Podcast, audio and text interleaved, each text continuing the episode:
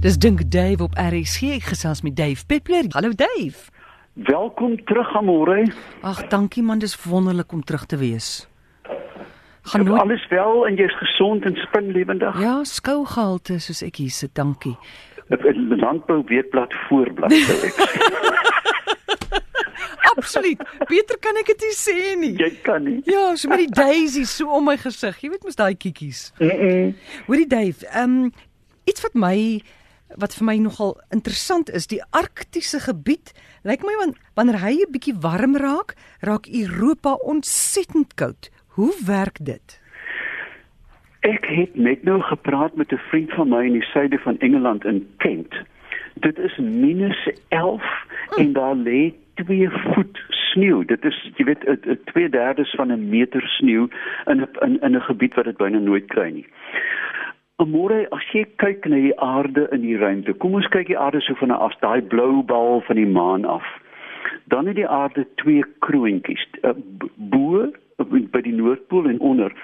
En dit staan in Engels bekend as die polar vortex. Met ander woorde, dis 'n poolwervel. En hierdie wervel draai in die noorde natuurlik antikloksgewys en in die suide kloksgewys en dis as gevolg van die Coriolis effek. Jy weet daai badwater wat uitloop. Hmm. En op 60 grade noord en suid hou hierdie ring van winde 'n laagdruk in plek. Met ander woorde binne in die die uh wat is 'n donut in Afrikaans? Uh oliebol. Binne in die oliebol lê dan die koue pole. Ehm um, en uh, so word die temperatuur byna deur hierdie winde vasgehou. Ehm um, skielik verlede week binne in hierdie oliebol mm was dit warmer as Europa. Nou, dit gebeur normaalweg nou en dan dat dat verskillende atmosferiese effekte die oliebol se rand 'n bietjie druk en dan begin hy kantel. Jy weet hy maak so 'n brandervorm.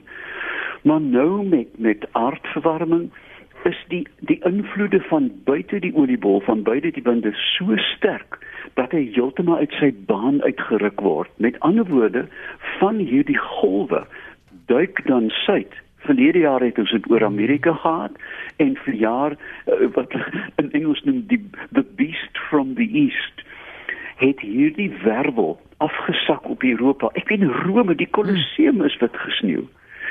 En ja. as enige iemand ooit wou wou tekens gehad het van van hoe ons atmosfeer gekneus en seer gemaak het, is hierdie 'n baie goeie voorbeeld. Goed, ons vat hier 'n oproep Charlotte, goeiemiddag. Opsie 0891104553. Dave, iemand sê hier hulle weet jy dit al genoem, maar kan jy net asseblief sê hoekom is daar ewe skielik soveel brande nie net in Suid-Afrika nie, maar oor die wêreld? Ja, kyk die die die, die Ons het altyd gepraat van aardverwarming, maar dis eintlik klimaatsverandering. Die groot brande lê natuurlik in die suidelike halfrond, byna nooit in die noordelike halfrond nie. En dit het direkte effek van El Niño. Ons het al baie gepraat oor hierdie temperatuurwisseling oor die Stille Oseaan wat dan met spronge in Suid-Amerika en ook in Suid-Afrika en Australië dan droogtes veroorsaak wat ons nou hier beleef die afgelope paar jaar. En dit is 'n eenvoudige funksie van droogte dat ehm um, dat dit so lank droog is dat die biomassa met antwoorde die die die massa van brandbare materiaal skielik so droog word en dan met 'n wind kan hierdie weghaal toe brande gebeur. Tog moet ons onthou dat selfs in die boreale woude noord van 40 grade in Swede brand daai woude elke 100 jaar. Dit is hulle brandsiklus. Maar nou dink ek met aardverwarming um, of aardklimaatsverandering is die insidensie van die buitengewone groter. Droogtes, vloede, brande. Ons moet ons gereed maak dat meer en meer die onvoorspelbare gaan gebeur. Onthou net daar was in Amerika mos verlede jaar hierdie verskriklike groot brande en in Frankryk. So dis ja. nie net die die Dis nie nie, nie, nie uitsluitlik nie. Ja. Maar hm. uh, ook in die noordelike halfrond. Ja, Kalifornië, jy's toe ja. reg, het vir jaar nog weer brande gehad. So, maar die maar die maar die werklik die mega brande hm. hm. is natuurlik Australië. Jy weet dat hy oor landskappe heen brand. Hm. Ehm um, natuurlik dan ook Uh daar is ook baie onthou jy 2 jaar terug in Indonesië dat 'n mens byna nie kon vlieg naby die eiland nie, maar dit was die gevolg van ontbossing vir palmolieplantasies. So mm. met die die die hand van die mens en wat hy doen sit daar agter. Goed, hier is nou 'n man met 'n vraag vir jou. Goeiemôre. Goeiemôre Amore. François Rousseau van Bloemfontein. Baie welkom terug. Ek wil net baie graag hallo Dave. Maar ek vinnig my tyd voor gaan ek vir die radio luister. Ehm um, ek het 'n kliënt gehad jare terug wat gereeld Stellenbosch toe gekom het van uh, Singapore af. En hy het maar gesê die een ding wat hy van ons westerse wêreld nie lekker kan verstaan nie, is dat ons doen ons ablusie in ons drinkwater. Hulle het 'n tipe van as in 'n laboratorium ontwerp wat hulle in hulle toilette gebruik het. En wanneer daai houer in die toilet vol is, die die aard van die as is van is is is van eh, so dat die wat die inhoud van daai houer van die toilet ook al is wat ons weet wat dit is is dit geheel en al jy kan weer 'n vol in die middel van 'n vol restaurant stap. Dis heeltemal glad nie toksies nie dit geen reuk nie. Kan ons in Suid-Afrika nie kyk na daai konsep wat hulle het daar in Singapore nie? Ek baie dankie ek luister by die radio. Ons het mos 'n hele paar sulke uh, goed Dave? Ja, weet jy die dit is die idee van die droë toilet. Mm. Ehm mm. um, die, die die kernpunt met ons waterkrisis in môre is die feit dat ons spoel ons toilette ons stort in gesteriliseerde drinkwater. Ons was mm. ons motors met met steriele water. Ons maak ons tuine nat met steriele water. En in 'n waterarm land is dit stapelgek. As ons net dit kan omswaai, uh, soos meeste lande in Europa. Weet jy, ek het eendag van Holland na na val, dit was in die 70s voor jy gebore is. Ehm um, met die trein gery, my trommeldik gedrink aan water in die Gare du Nord in in in Parys. Ek het nie die Place de la Concorde gemaak toe ek ontplof het in 'n diarree wat legendaries nou nog in Frankryk is nie. Um, jy weet ek het nie geweet jy mag nie kraanwater drink nie. Ja, ek en daar lê ja. dit. Ons moet eenvoudig wegbreek van steriele water in toilette en dan ook die droë toilet. Ek ek ek is nie bewus van die as nie, hmm. maar dit klink vir my baie sinvol. Ek weet nie van as die as idee in Suid-Afrika nie, maar ons het droë toilette waar hulle uh, ek ek weet nie wat dit is nie. Ek het nou al vergeet wat dit is waar binne daai toilet sit. So dit word glad nie. Mag enige iets wat geen blootstelling het aan aan die lug nie. Daar is nie geen reuk nie. So Daar is nie reuk nie, juis omdat daar baie slim klein um, hmm. ventilasiesisteme. Daar's 'n koorsteentjie agter wat die lug uit trek. Ja. Met ander woorde die lugvloei is altyd deur die toilet, met weet deur die pan na buite. So dit is heel haalbaar. Dit is net ons oordrewe sin van sindelikheid. Goed, maar die luisteraars gaan ons help. Ooh, skus tog, wat sê jy? Dave? Hallo. Hallo, jammer daar nou. Hallo, goeiemôre. Dis Charlotte. Môre van môre, ek skusie van Margate. Mm, ek wil net ek word uh, jy praat daar van brande as gevolg van klimaatsverandering. Maar is tog die menslike faktor wat die brand veroorsaak. En 'n ja. brand kan nie sommer net so ontstaan nie. Soos wat uh, die, wat sal die menslike faktor wees? Vuurhoutjies, brand maak. Stompies, uh vure wat hulle maak as die wind waai en so voort. Goed, dis 'n interessante die, punt. En die volgende enetjie wat ek gou wil vra is, mm. wat is die rol van 'n muskiet hier op aarde in die ekosisteem.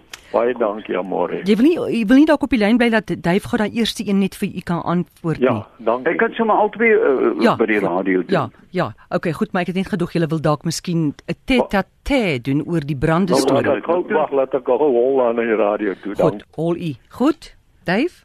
Ja, dis so lekker Afrikaans ek hol gou radio toe. Natuurlik is dit die mens daar daar sit nie rokende bobbejane op die kraans en skiet sy toppie oor die kraans nie, jy verstaan? of jy weet 'n sekoe met 'n pyp nie.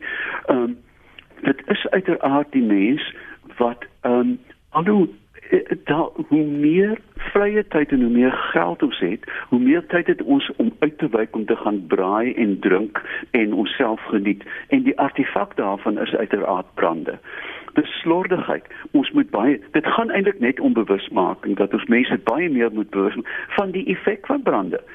Tweedens, baie meer belangrik, is dat meeste sisteme, meeste ekosisteme op aarde is brandgedrewe behalwe die reënwoude. Met ander woorde, hulle sal brand fynbosbrand, grasveldbrand en savannabrand.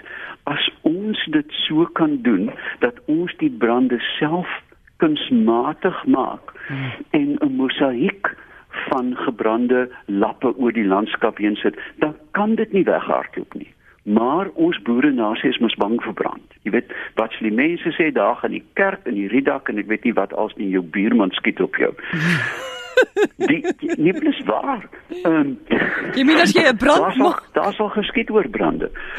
Maar uh, die karoo sal nie brand nie, maar maar die fynbos ensovoorts. Die die die eintlike ding is om omdat die mens reeds ingetree het, moet jy bestuur en daarom oor die landskap heen 'n mosaïek um, 'n lappies kombers van verskillende ouderdomme hê. Dan kan die ding mos nie weghardloop nie. Dis die ideaal. Daar's darmal weer weerlig wat af en toe ook 'n brand laat begin. Natuurlik, daar's rotsstortings, jy verstaan? Ja. Uh, daar is kompos in party plekke op aarde wat so warm word dat dit begin smeul, natuurlik. Ja. Maar ek sou sê in die orde van 90% van alle brande is deur die mens se hand.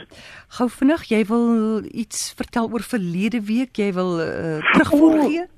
Weet jy, ek het gepraat oor eetbare derms en ek het um, ek het my daar 'n bietjie klei getrap en toe sê Pieter Labeskagti vir my dat die hulsel uh, of die koker waarin die, uh, die kunsmatige hulsel van wors word gemaak van kollageen en dit word gemaak van beesvel vlodder kan jy o ek gril nou so um, uh, van beestvelle word opgemaal en dan word die kollageen daar uitgehaal en dit is dan die eetbare hulsel waarin vleis as wors verpak word. Ek vra dus om verskoning. Hy sê ek was na aan die waarheid, maar nie volledig by die waarheid. En ons lywe kan dit verteer, daai vel. Ja, ja, daar's niks daarmee vir, dis die blote gedagte. Ja, dit is die gedagte. Jy's heeltemal reg. Ja, dis nou die enige ding wat ek maar jy weet hierdie uh, worsvelle is nie goed wat ek oor wil praat uh, as ordentlike mens nie, maar ek moes dit nou maar sê. Dankie, Duif, hoor jy en jy gaan nou na die droë fees toe? Ja, ek het uh, ek het heelwat optredes beginnende Sondag met hoe verklaar jy dit regstreeks wat netlik almal is bevrees oor my vuil mond, jy weet ek sê sulke verskriklike goed en beledig jy gehoor, hmm. maar ek gaan probeer uh, sindelik wees. Ja. En dan is ek ook aan die aan die stuur van die wetenskap die Universiteit van Stellenbosch se Science Cafe, die wetenskapkafee wat 'n wonderlike forum is om die snykant van die wetenskap aan die publiek bekend te stel. Goed, nou moet nou nie ou te droë vel daar wees. Nee nee nee nee nee mense eh, kyk amore jy ken my mos hier daar's vonke. en is daar nie vonke nie. Dankie dis Dave Peppler en jy kan sy Facebook bladsy besoek.